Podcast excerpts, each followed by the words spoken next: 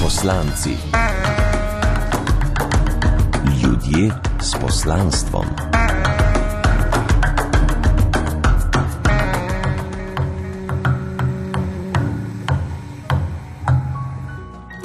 Dobro večer in lepo pozdravljeni v oddaji poslanci. Z vami sva Uroš in Katjano in tokrat gostim legendo človeka, ki je v glasbenem svetu že kot najstnik pustil velik pečat.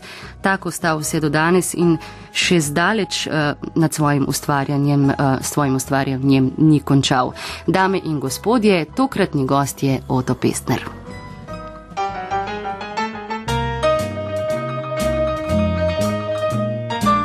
Definitivno njegovo poslanstvo je petje in njegovo poslanstvo je ustvarjanje glasbe za ljudi, za poslušalce in to za zelo, zelo širok krok poslušalcev. In jaz mislim, da je to,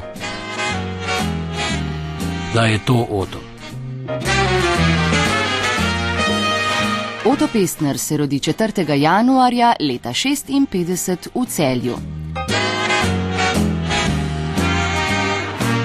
Svoje prve pevske posnetke naredi na radiju celje že pri 12.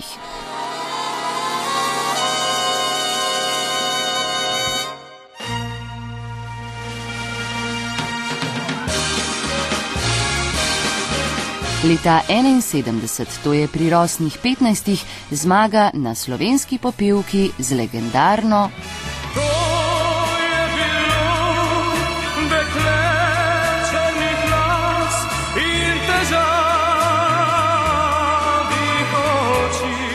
Član New Swing kvarteta je od leta 70, nastopal je tudi z narodno-zabavnim ansamblom Alpski kvintet.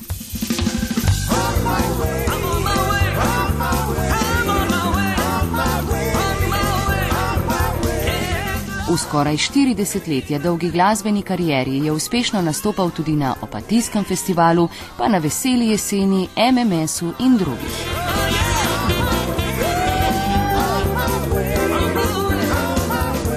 V različnih zasedbah je prepotoval in nastopal po celem svetu in iz prve prave slovenske otroške zvezde postal zrela glasbena legenda. V slovenskem glasbenem svetu je dovolj, če rečemo oto in vsi vemo, za koga gre. Ne?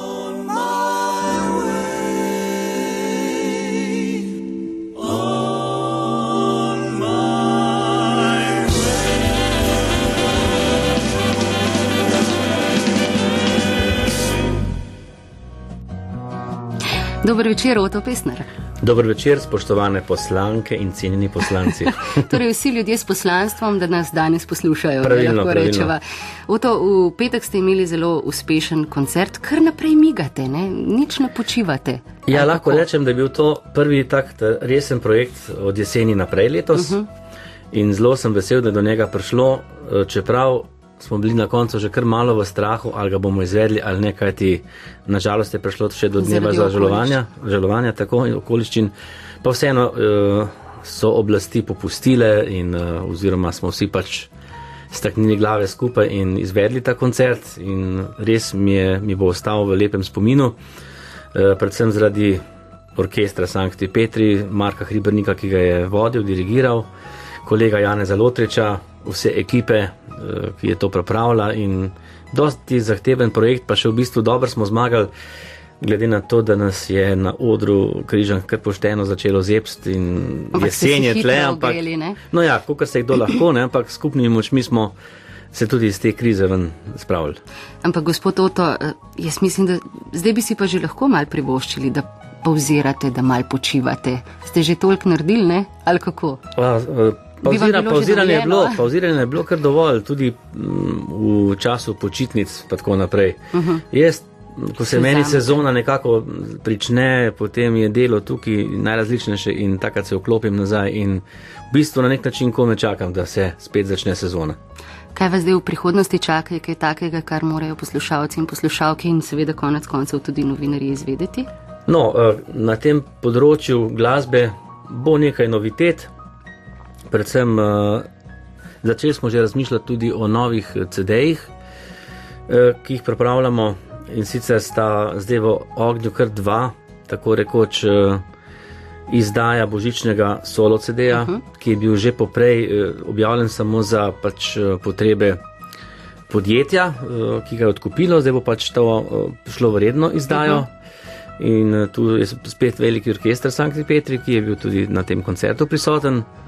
No, in potem pa mislim, da se bomo po novem letu pa odločili za izdajo lepih slovenskih balad, eh, ki so jih v originalu prepevali različne eh, pevske zasedbe ali pa solisti, ampak to pot pač v mojih priredbah oziroma v, -huh. mojem, v mojih izvedbah in s priredbami mojih kolegov, eh, katere nekatere smo že prej slišali v nagovoru, ja, ki so me tako lepo pozdravljali. In jih bomo seveda še slišali. Lepo. Ampak ko smo ravno pri prihodnosti, nekoč ste izjavili, da začenjate verjeti v astrologijo, ne? da so vam na različnih koncih sveta kar napovedali podobne zadeve.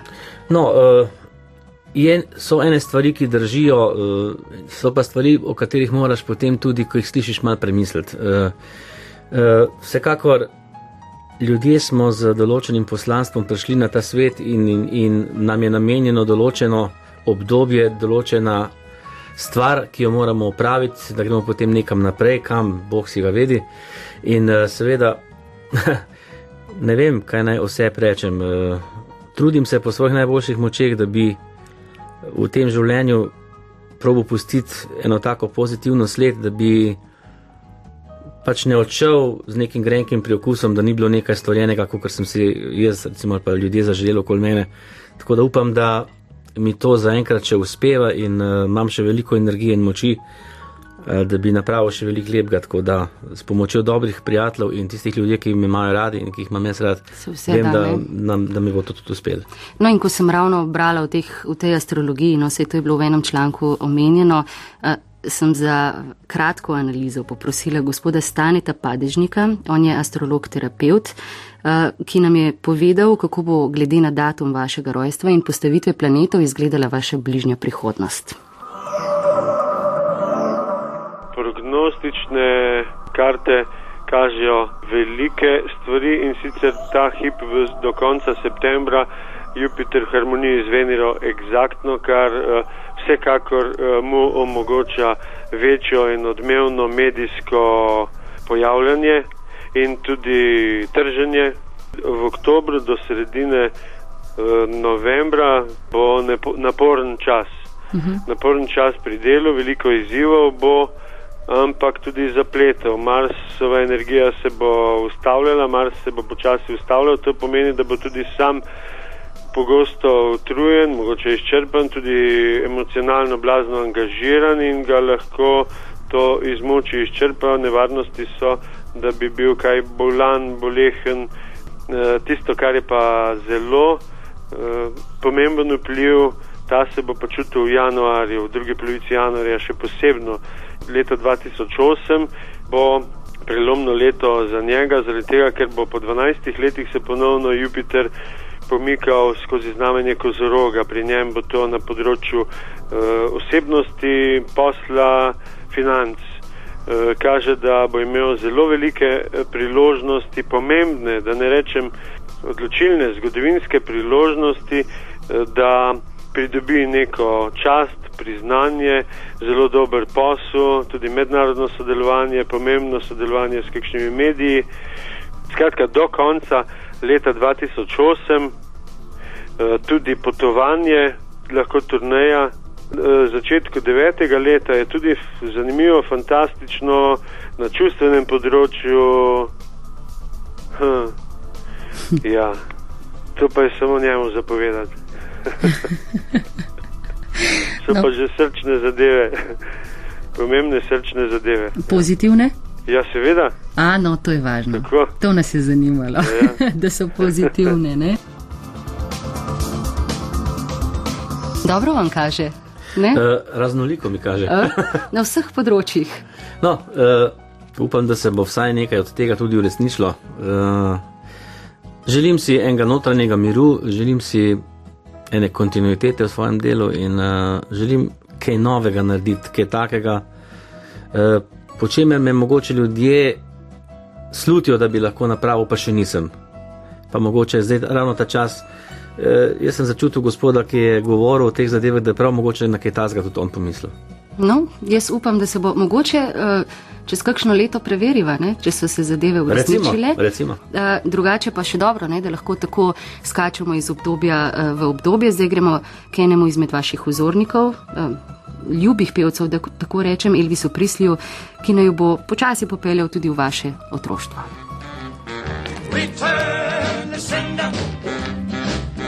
Return the sender.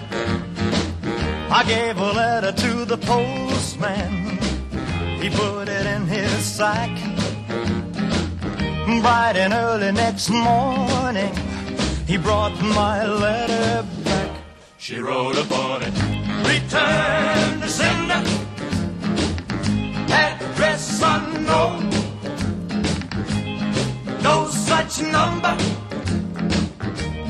No such zone. We had a quarrel. A lover's spat. I write, I'm sorry, but my letter keeps coming back.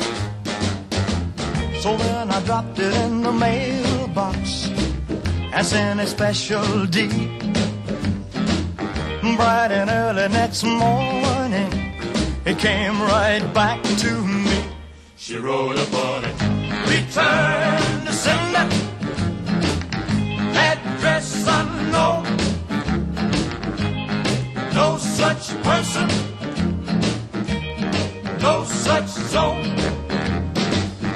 This time I'm gonna take it myself and put it right in her hand. And if it comes back the very next day,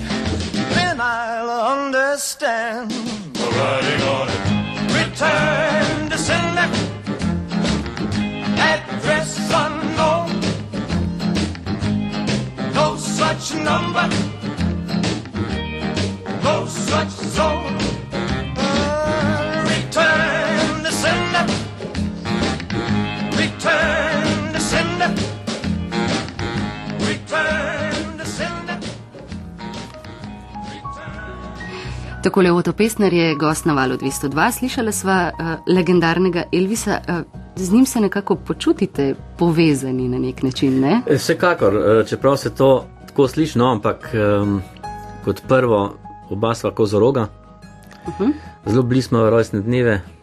Uh, tako da pa vidim, vidim, vidim tudi pri njegovemu nekak po, o, bitju, pač ko je bil uh -huh. to, kar je pač bil. Kaj jaz vem, da je imel nekih, nekaj takih lastnosti, ki jih jaz sam pri sebi občutim, in, in tako naprej. Ne na zadnje je bil pa en zanimiv podatek, uh -huh. um, mislim, da je bilo to še letos nazaj, ja, ko je bilo še bolj toplo. Uh, so pač v Kranju bili uh, skupina teh sintov, ki so imeli uh -huh. uh, zabav, zabaviščni park. In ko smo jih šli malo pozdraviti, eno, neko nedeljo, mislim, da nedelja, pa smo se malo pogovarjali tam, je eden izmed njih privlekel na dan en tak A4 format uh, papirja, kjer je bilo pač napisano, da Elvis izvira, ne vem pač že odkot, ampak da je neke vrste Rom oziroma Aha. Sint po poreklu in celo. Da je iz Presler, mislim, primka Presler, uh, se je preimenoval potem v Presley in tako naprej. da je to. No, evo, pač zanimive to, ne? zgodbe, ne, ki se jih pač dotika vesolje in, in naše bistvo in tako naprej. Jih človek sploh ne zna pojasniti, Ja, konec ne. koncev. No, vsekakor pa je eden izmed vaših vzornikov. No, torej je pa en pevc, en, en glasbenik, lahko rečem, komplet, kompleten, ki je naredil za zabavno glasbo zelo veliko. Ne zavedajoč se tega, pač odkril je ene stvari, ki so bile nekako takrat prikrite, združil je skupaj črnsko in belsko glasbo in ji dal en nov pečat. Tako da vse to, kar je napravil, je bilo za razvoj zabavne glasbe zelo dobro. Vsekakor je pa njegov snemalni opus ogromen, ogromen in še, mislim, da še danes nismo, do dan danes nismo slišali vsega, kar je posneto v arhivih RCA Victor, tam, ker je pač snemal v celo življenje uh -huh. za njih in tako naprej. E, tako da sem tudi mu sam posvetil enkrat en dvojni CD. Uh -huh.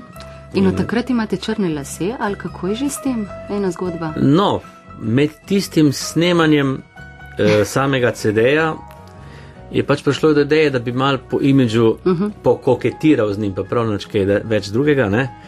In ker so mi takrat začeli, da se je zelo sivet, ne, in uh -huh. so bili že skoraj skor beli na moment, in eh, sem rekel, poskusimo, zakaj pa ne. ne?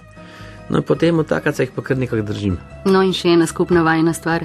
Drugače pa eh, tudi vaš oče in stari oče, oba sta bila glasbenika. Ja. Mm, Je bilo kaj namena v tem ota spraviti med velike pevce? Najbrž je bilo to zelo spontano, ne vse skupaj. Ja, uh, pri starem očetu bi rekel, da bi bilo zelo spontano. Pač on je bil tudi uh, glasbenik, ki, ki je izrastel iz korenin, tako v bistvu brez kakšnih študijev in uh -huh. tako naprej.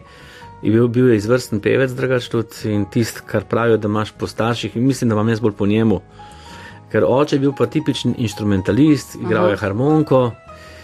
In on je bil bolj tisti, ki si je to bolj želel, da bi meni nekako to uspelo. In je tudi veliko svojega truda in energije v to takrat uložil, da mi je lahko pač tiste stvari, ki jih je lahko sam pokazal, tudi pokazal. se naučil, ne? Tako in potem sem skupaj z njim, pa tudi takrat je še star oče igral, poleg eh, sem pel z njegovim ansamblom v celju in tako naprej. No, sicer pa uh, za začetek svoje kariere štejete posnetke, če se ne motim, iz leta 68. Tako je. 12 let ste bili stari, uh, violina cigana, ne? Violina oziroma ciganov, ja, ciganska ciganska violina. violina, ne? pač po naše, ja. Uh, moram reči, da žal, da ne, žal mi je, da ne moremo videti tudi slike ne, na radiju, uh, ki je tudi v arhivih, ampak slišali pa bomo odlomek iz te pesmi uh, Violina ciganov oziroma ciganska violina. Torej, Oto Pesner z otroškim takrat še glasom. Ne? Moja pisem jest. Moja pisem je žalost, ki odziva v očeh teh neznanih ljudi na vseh mojih poteh.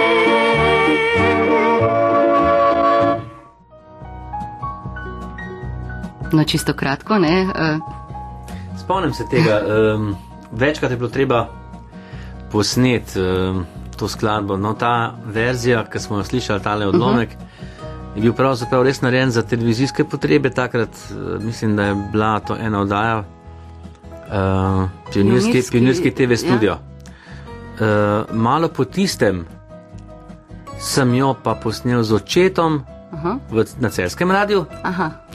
In šele po tistem bila pa pol še enkrat posneta z Borutom Lesjakom, uh -huh. uh, tle v studijih, uh, na radiju v studiu 13.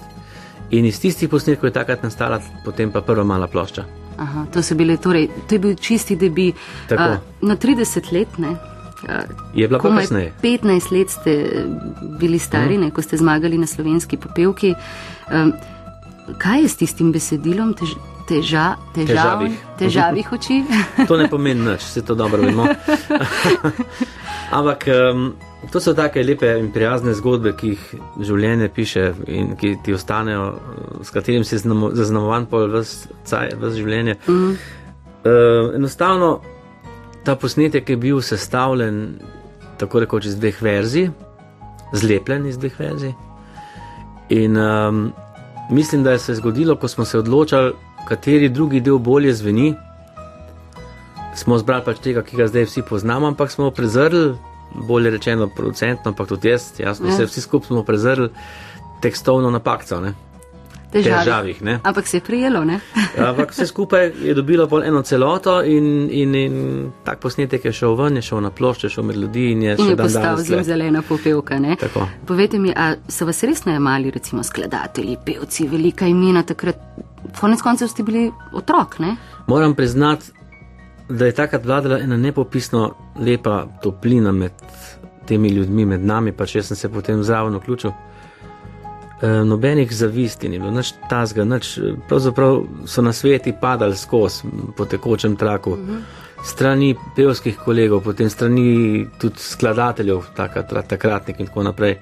In to je bila ena taka šola, ki jo nikoli ne moreš nikjer dobiti na tak način, kot In sem ne jo. pozabiti najbrž, ne? Točno tako. In uh, zato pravim, da je ta, kakor kako ga že hočemo imenovati, zlato obdobje slovenske popevke ali pa Mm. kakorkoli drugače, je pravzaprav bolj eno tako iskreno obdobje glasbe, ki je bila takrat zapisana in ki je s tistimi sredstvi, ki smo jih imeli na razpolago, bila uporabljena. In, in se mi zdi, da je bilo zato tako iskren narejena in tudi uh, strokovno je bila na visokem nivoju, tako da tisti uh, ljudje, ki so prihajali um, iz tujine takrat in so peli z našimi pevci drugo verzijo, ker je potem uh -huh. festival postal mednaroden. Uh -huh.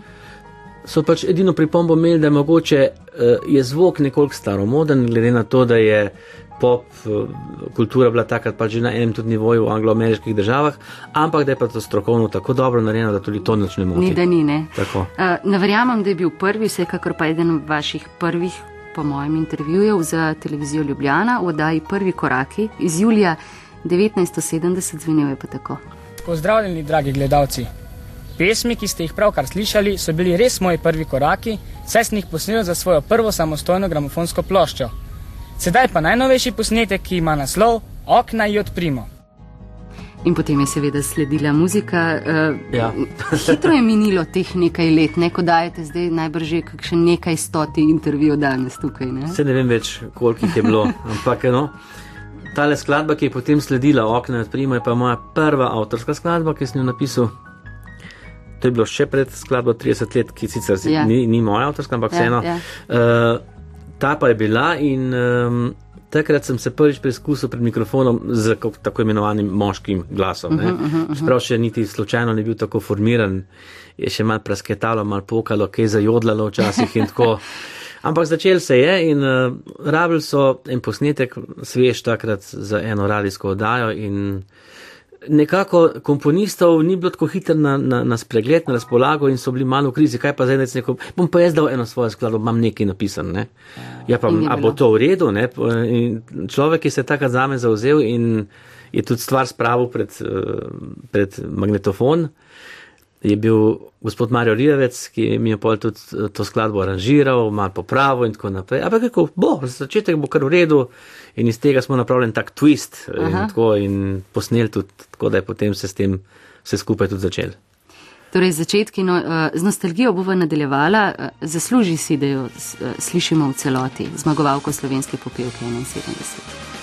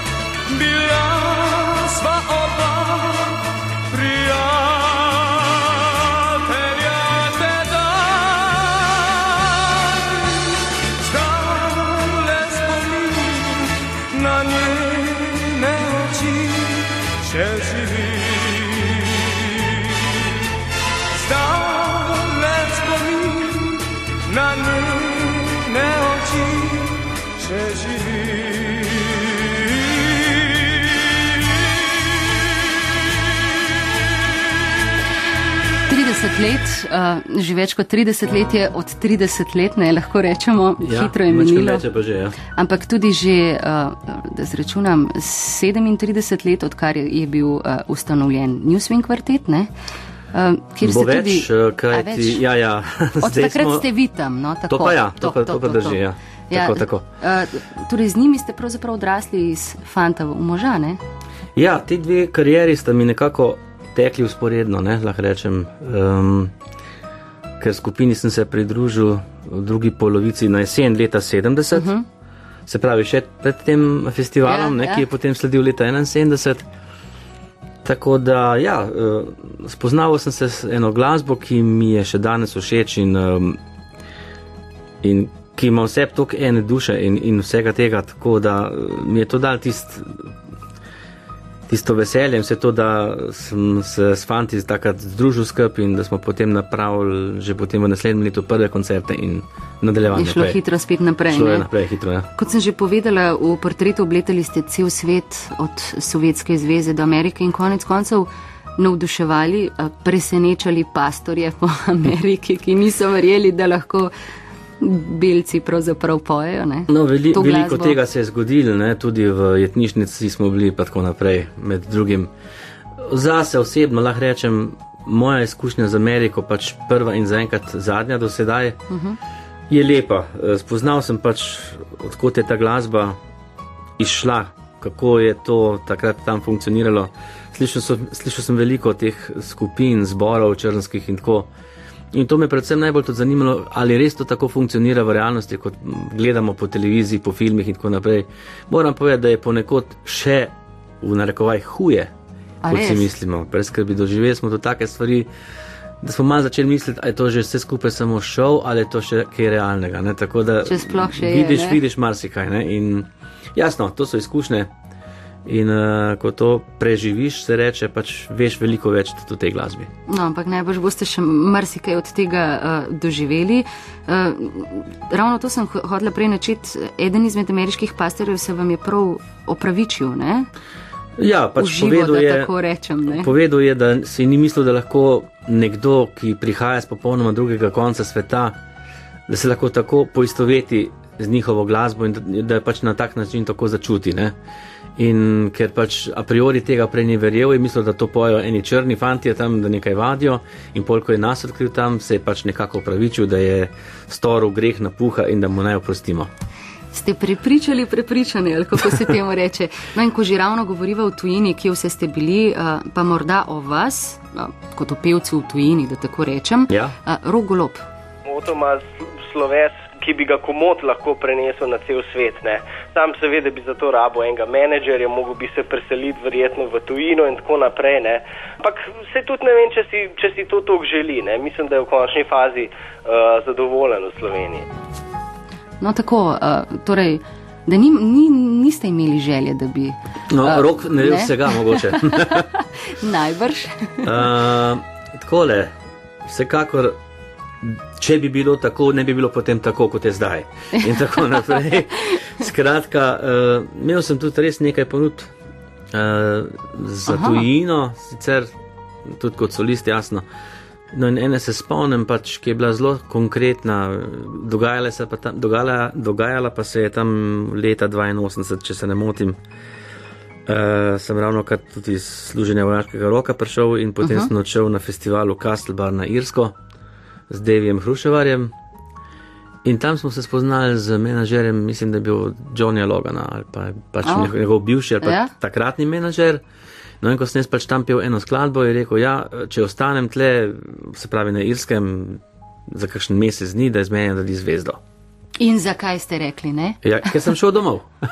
A vam je eh, Slovenija vedno bila do, dovolj, Vsekakor, tako vedel rečem? sem ne? samo to, pa če enkrat odideš, eh, moraš svoj način življenja popolnoma spremeniti in začeti delati drugače. In, uh, vsekakor, kar tako nisem bil pripravljen nikoli tega narediti. In, uh, vem pa tudi dobro, da ne moreš potovati uh, vsak teden dni iz Slovenije na Irsko, iz Irske v Slovenijo in podobno. To, pač, To pa pač ne gre. ne gre kar ne tako. biti. Tudi nekdo, ki bi zate ne- nekaj resnega počel, ne bi moral te imeti na razpolago, ne bi moral biti s tabo v kontaktu in tako naprej.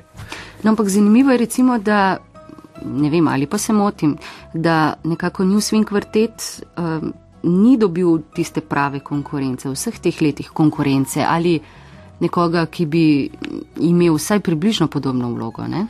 No, gledajte, skupin je veliko, tudi mogoče v Evropi v tistem našem času jih ni bilo ne vem koliko velik. E, tako da mogoče kot kvartet smo takrat res kotirali e, precej samostojno in, in bili take pač, da tisti, ki so malo samo vključevali to glasbo v svoje repertoarje, jasno niso mogli priti zraven. Ne. Je pa prišlo zdaj novo obdobje, moram povedati, kjer so predvsem vokalne skupine za šestimi člani zelo popularne uh -huh. po vsem svetu in tak, tako imenovani akapela slog se je uh -huh. razvil in prišlo je do ogromno, ogromno kvalitetnih takih skupin. E, to se je pač zanesla skupina Take Six, ne, ki jo sam tudi zelo cenim in jasno, tako je tudi v Evropi pa v tem času prišlo do mnogo takih kvalitetnih, dobrih pevskih skupin, ki gojijo tudi gospel, uh -huh. ampak na mal drugačen način, ne tako kvartetovski, ne, kot uh -huh. je bil naš, pa vendar spet mal drugačen. Čeprav je uh, zanimiva opaska to, da so v Ameriki tudi veččlanske vokalne skupine, čeprav jih, pravi, jih je bilo pet ali šest, imenovali kar kvarteti. Uh -huh. To je nek pojem vokalne skupine pri njih. To pomeni to in konec. Tako. Mogoče, uh, predno greva k muziki, povejte mi, gospel se poje v cerkvah, uh, v glasbo je treba verjeti, ste verni? Uh, sem uh, do tiste mere, uh, ko čutim to okolje duhovnosti uh -huh. okoli sebe in čutim ga na pač svoj specifičen način, uh, moram priznati, da nisem pristaš tiste tipike ki pravijo, dogma je to, to, to, to, to in -huh. tako je in drugačne more biti. Mislim, da obstaja še kaj več razen tistega, kar slišimo lahko vsak dan tudi v cerkvi in tako naprej. In, uh, vem, da obstaja razlog, vem, da obstaja on, zaradi katerega smo tu, kakšen je on, nam ne bo dano nikoli vedeti in vem, da je globoko vse občutim to, da uh, nekdo vse skupaj vodi in če to, tega ne bi bilo, se tudi mi dva ne bi danes le pogovarjali in ne bi bilo tega studia in ne bi bilo tele luči in ničesar. Toliko uh, zaenkrat, seveda nadaljujeva po muziki. I'm on my way now, got on my traveling shoes. I'm on my way shoes now, got on my traveling shoes. Got them shoes now, got on my traveling shoes. Well, I went to the church, I walked right in. The saints began to pray, and the Lord came in. I went to the altar, Did my a. The saints began to pray,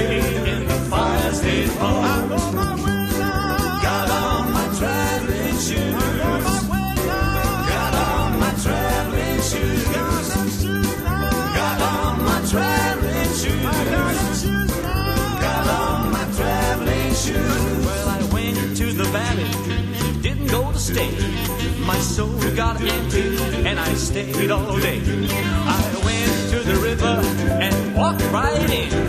The saints were all saying, Wash away your sins. I'm on my way now. Got on my traveling shoes. I'm on my way now. Got on my traveling shoes.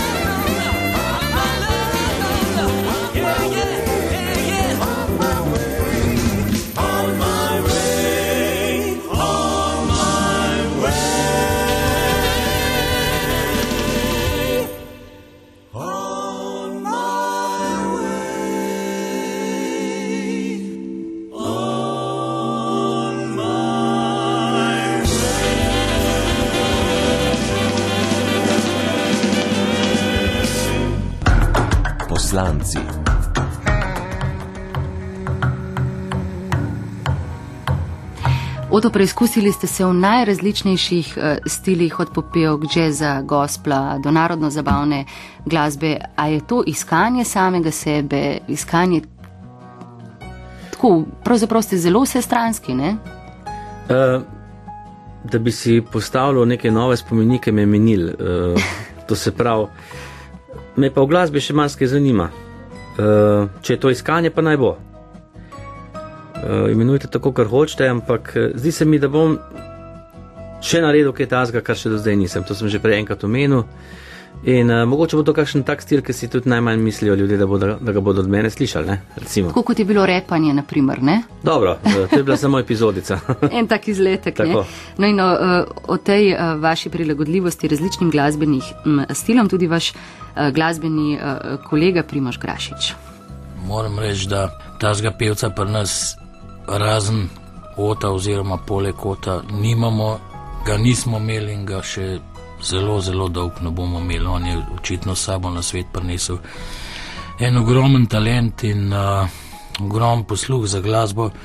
In moram reči, da najbolj cenim pri njem to, da se najde v vseh stilih, kar se pa ota tiče, pa ni noben problem, ali je to jazz swing, ali je to pop glasba, ali je to narodno zabavna glasba, ali je klasika, ali so balade, je vse eno, to pač odpoje najbolj skokrsno. Torej, popolnoma vse stranski, ne? kot pravi Primož Grašič. In on je glasbenik, on živi. no, s Primožem se poznava mnogo let.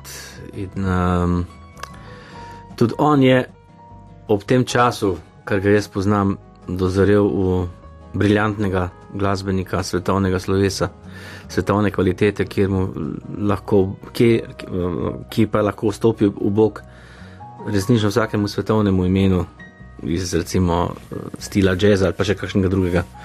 Je tudi izvrsten naranžer in, in predvsem je pa izvrsten človek. Tudi vaša poročna priča? Tudi. Skratka, vse stransko vaš, ne, da tako rečem.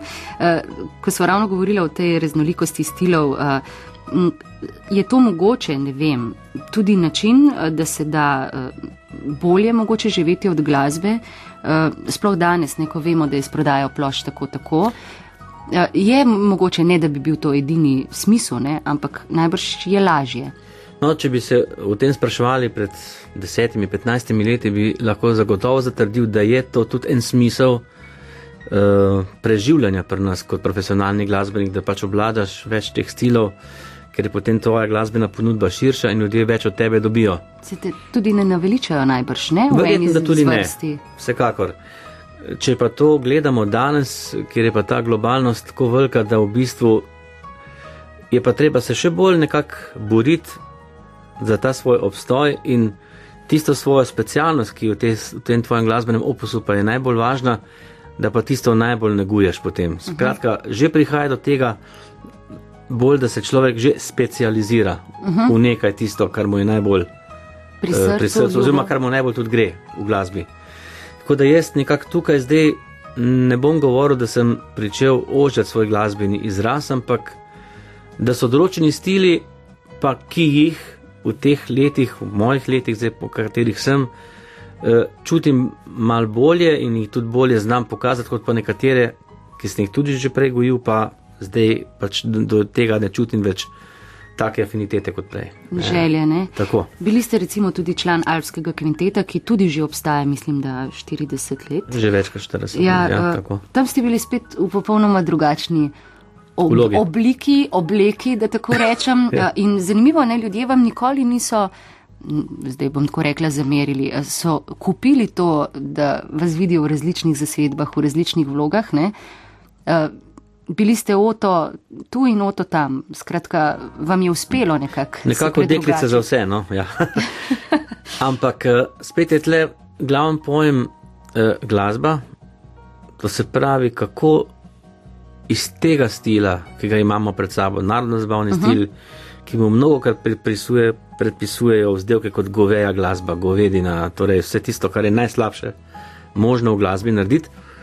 Eh, je pač treba dokazati, da se tudi v tej zvrsti da potegniti ven eno kvaliteto, en šarm, en, en žar, en, eno veselost, uh, ki pa ni poceni, ki ni cenjena in ki ni narejena kar za vsako ceno. Pri tej ekipi je bila že sama osnova v tem, da so to glasbo jemali uh, zelo svetovljansko. In uh, niso se pač uh, zanašali na priznane klišeje in tako naprej, ampak so to glasbo raziskovali na drug glasbeni način, uh, dodajali so elemente, uh, ki niso bili vsakdani v tej zvrsti. Vemo, da če je Avsenik zastavil eno, en, en, en način, ki se je prijel in je bil pač prvi tak, da je to napravil, je to pravilno in je to tako, kot mora biti. Sledilo mu je ogromno glasbenih, bi rekel, takih ekip, ki so to po njem obnavljali, obnavljali, ampak vse ostalo samo pri kopijah. Ne? Pri Alpskem se je pa zgodilo to, da je te stvari postavil mal na glavo in je naredil mal drugače. Na svoje temelje in gradil to glasbo na svoj način. In ker je ta način slučajno koketiral tudi mal za swingom in tako naprej, je bilo to meni toliko bliže in sem se toliko prej tudi lahko vklopil v to. In vsekakor smo tudi le vokalno vse stvari napravili precej drugače, kot je bilo prej v navadi. In verjetno se je to tudi uh, zaradi tega pri mlajši publiki prijelo in, in, in, in predvsem v Avstriji, Nemčiji, Švici, kjer je ansambl takrat največ deloval, smo doživljali ovacije in, in, in, in uh, včasih je to kar mal že imel na bitlomanijo, na rekovanje. Ja, ja. Tako da se je, izkazalo, se je izkazalo, da se iz te glasbene zvrsti da marsikaj ven potegniti in da če je Avsenik tako imenovani ortodoksni stil, je potem bil alpski nekoliko bolj modernejši. Ampak oba sta za mene perfektna in oba imam enako rad. No, dejstvo je, da je uh, vaše poslanstvo glasba, muzika v vseh oblikah, dobra muzika, uh, ampak uh, kaj konkretno dajete in pošiljate ljudem s to glasbo? Jaz mislim, da jim dajem sebe, jaz mislim, da dajem tisto, kar znam in da skušam biti čim bolj iskren. In, in uh, koliko starejši postajam, se mi zdi, da, ni, da, sem, manj, uh, da sem bolj brezkompromisen, da, da pač si želim nekaj narediti, kot jaz mislim, in da včasih celo več. Ne? Tako da zelo malo popuščam ali pa nič. No, no in uh, o vašem poslanstvu, o vas tudi Marko Hribernik in pa seveda Rokolop. Preden sem ga osebno poznal, sem ga vedno videl na televiziji. Ne? No, in na televiziji bo on zelo um, urejen, tako uh, um, en seriozen človek. Seveda smo pa občutili zmernega glasa. Ne? Ampak pol pa v, v, v zasebnem, ko sem ga pa bliže spoznal, ko se je on z mojo sestro mal um, začel petlet, sem pa uh, spoznal uh, ga tudi tako drugače ne? in zato tudi, da je zelo en srčen človek, ki živi sicer v svojem svetu, ampak je ta svet čudovit, lep. Se pravi, um, on res živi za svoje petje. Poleg talenta in, in vem, dolgoletnega dela, trdega, ne, pa predvsem to, da je ob, obdržal, da ni ne, ljudje eni zateženi rate čez leta. Ne. Tako sploh v glasbi v končni fazi je kar, je kar zoperen ne, se obdržati, ker se pravi, stvari se spreminjajo. Zdaj tudi vemo, da je zelo scena taka, da Ja. Zadnjič so se z, la, z Ladom Leskovarjem pogovarjali, glih rekel, da ima občutek, da je plevel šel malce z rože ne, in bi se skoraj strinil s tem. Ne. Ampak zdaj, da se vrnem nazaj k otu, res je, uspel je obdržati vse to in, in gre naprej. Ne. Eh, če bi danes morali potegniti črto, ste izpolnili svoje poslanstvo. Na nek način bi se lahko ulegel na kavč in rekel, no, vzemi me, ne? bi bilo dovolj, ampak eh, jaz sem pa še trmas, pa rečem, jaz bi pa še kaj naredil. Ne? Greste naprej, Tako, ne? grem naprej. Ja. No in ravno, če smo glih pri roku, ne, kot je on prej omenil, če smo glih pri otu, ne, ja. lahko pa tudi za njega jaz povem res uh, čudovite stvari. Um, poznal sem ga kot kratkohlačnika, uh, ki je bil res mulo, ko sem uh, hodil k njegovemu očetu, k Janju Golobu, ja. po nasvete, kako pri aranžmaju narediti to, ono, tretje, četrto. Nekatere aranžmaje, predvsej aranžmaje je Jani tudi eh, sam naredil za me, uh -huh. za moje skladbe in tako naprej. Nekaj sem jih potem tudi po njegovih naukih začel sam delati. Rok pa je veselo skakal na okoli in, in jasno, takrat se še ni vedelo, da bo iz njega rado tako briljanten glasbenik, um, aranžer in tako naprej. In, uh, izkušnjo, ki ga imam z njim, je to ravno ta album, katerega zdaj letos želimo izdati eh, pač v normalni prodaji. Ima preprost naslov Božič, um, kjer je napisal vse priredbe za orkester, za me in tako naprej. In naredil je res čudovito delo in tako delo je vredno poslušati in ga objaviti. In zato se že veselim, da bo tudi ta plošča še enkrat ogledala luč, tokrat med ljudmi. No in čas gre tako hitro, da bo kmalo božič in bo božič To je pa zunaj. tudi res.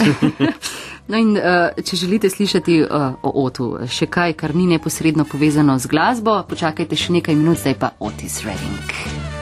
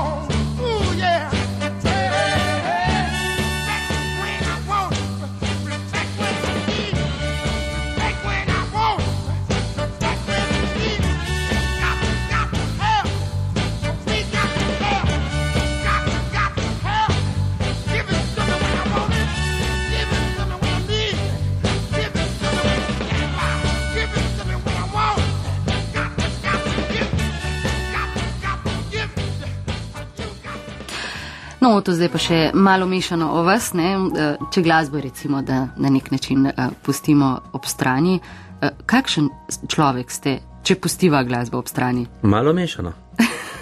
Vsega torej pomalo. Uh, gospoda Padežnika, astrologa, terapeuta, sem prosila še za eno analizo vašega karakterja. Tudi mene zanima. Vas zanima, no? In to čisto natančno, z uro vašega rojstva do podatka mi je pomagala vaša mama. In poglejmo, kakšnega vas opisujejo zvezde. ker je bila večina planetov na vzhodnem delu horizonta, to kaže na dosti samostojnega, samosvojega človeka, lahko tudi samozadostnega eh, človeka, ki zmore eh, premikati eh, stvari, ljudi, projekte. Tej uri rojstva je bilo sonce na področju financ oziroma zagotavljanja materialnih dobrin, to pa še v znamenju kozoroga in še nekaj, kar je specifika eh, v konjunkciji zvezdo stalnice imenovano Vega, ki eh, osebi prinaša popularnost, priljubljenost, delo z mediji, to je obvezno vedno tako. Potem eh, Mars je bil ekstremno močen planet v času njegovega rojstva, to se pravi najmočnejši planet je bil in to edini, eh, ki je na, na kaj najbolj vpliva, ja, na njegovo osebnost, na njegov jaz, na njegovo eg, egocentričnost eh, v zdravem pomenu besede, to pomeni, je lahko zelo pomemben povezovalec. Eh, Potem odnosi z ljudmi eh, kažejo, na, na te odnose z ljudmi kaže pozicija Lune.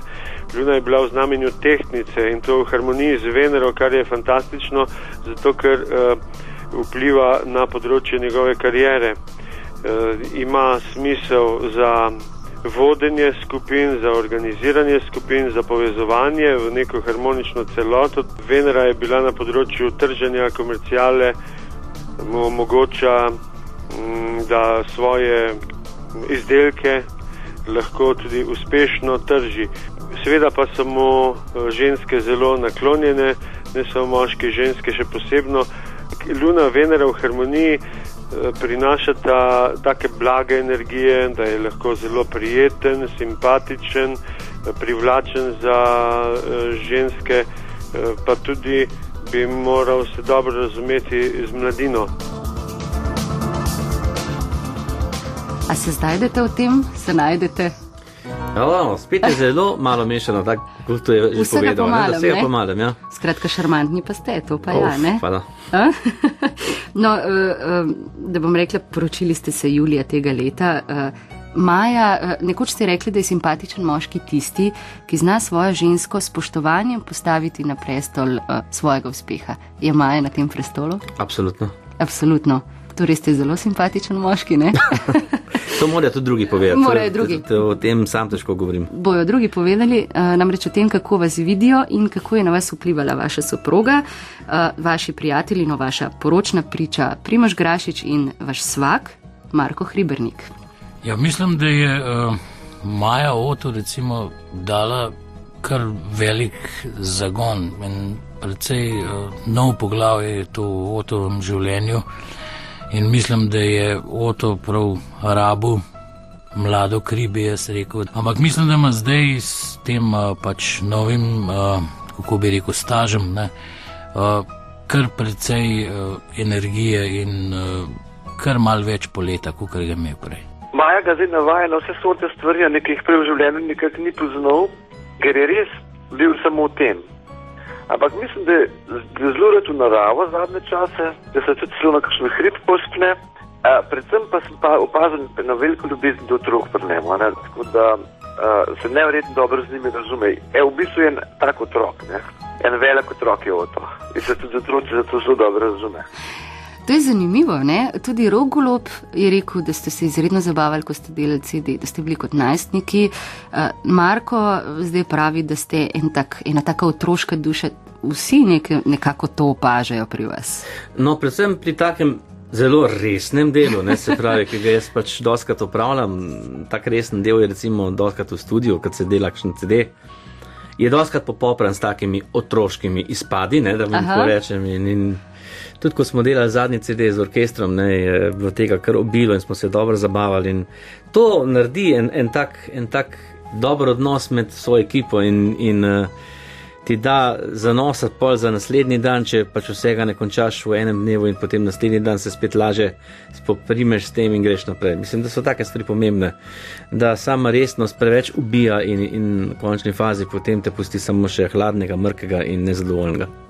Uh, drugače pa, kot je Marko povedal, imate hobi, ne? ste zelo resen zbiratelj, še vedno zbirate audio, video, material, kasete, ne vem, No, zdaj to, je ne. moja, to je moja velika ljubezen že cel življenje in tako naprej. Rad take stvari počnem. Ne?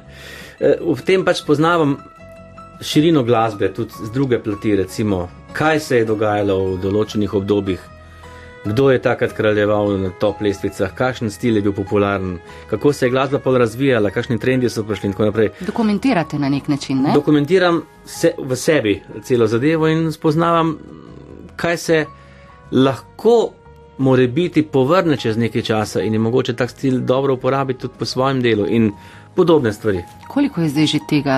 Ne vem, neke podatke sem brala, pa so že kar stari, tam 2000, to- Ja. nekaj tisoč, ne? Tistih albumov je bilo, ne vem točno, ampak čez 2500. Vinilk. Potem jasno so prišle eh, CD plošče, zdaj so DVD-ji, različne stvari so in glavnem, eh, tega je v glavnem ogromno. Ne. To pomeni, da rabite še eno hišo, ne? da boste to vse spravili No, to, nekam. to bomo že še uredili.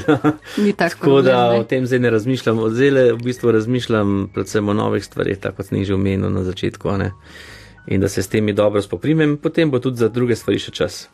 Eh, Sicer pa mogoče še eh, to, eh, so sladkarije še vedno tiste, ki vam pomagajo v stresnem obdobju. Čokolada. No comment. No comment. Ampak so za potolažiti, ne za pregrešiti pa je, ne? To je vedno tisto, kar a bi ali ne bi, a bi ali ne bi, potem pa ponovadi včasih kar bi. Samo pa mal razmišljam, zakaj bi vedno tečnaro in vse ne bom, ker ne smem, pa ne bom, ker ne smem, pa ne bo dobro. Ampak če pa malo vzameš, pa malo poješ, pa si s tem zadovoljen, po mojem se tudi kakšnih groznih stvari eh, ne more takrat zgoditi. Drugače pa zdravo jeste, pa zelene rad. zadeve, Ja, pa jeste rad, si jih ja. kar navadili, solate in podobno, ne? To imam že več čas rad, eh, take stvari, sigurno. Sadje tudi, Mhm. Torej zdravo življenje. kokar tolk. No. Pa eh, skok v hribe ali kako, ne? To je pa Smo bolj po novem, slišali. ja. to pa bolj žena poskrbi za kakšno spodbudo, ne? Uh, še mogoče uh, za konec. Uh, pa jeste dober pripovedovalec vicev. Uh, Všeč so vam tisti v blondinkah, no in ko sem že jaz ravno blonda, se zdaj kakšnega spomnite. To ne bo držati, to je pa napačna informacija. A res? E, na zadnji sem slišal že izjavo, da preveč stare vice prodajam. Tako da bom moral ta arzenal nekako začeti obnavljati, pa mal na drug način se tega lotvati. E, to policajski vici, pa vici v blondinkah, to so pa res že kar najstarejši vici. Dajmo se kaj novega spomniti. No pa deva. Ja, da je drugič. Kdaj drugič? Uh, gospod Oto Pesner, najlepša hvala za obisk v studiu. Tudi vam. Jaz vam veli, želim veliko uspeha še naprej. Pravzaprav, če verjamemo zvezdam, vam zelo, zelo dobro kaže, ne? tako da se ni česa bati. Upajmo, da bo tako in da bova lahko, kot smo prej rekli, čez kakšno leto Preverjala, ne? preverjala, kaj se je zgodilo. če je bilo vse res. Tako. Hvala lepa res še enkrat. Uh, lahko noč pa seveda tudi vam, uh, dragi poslušalci in poslušalke. Z vami sva bila tudi Uroš Macura in Katja Črnila. Na prihodnji teden pa bo gostja nekdanja in za zdaj še vedno edina prva dama, gospa Števka Kučan. Lahko noč. Lahko noč.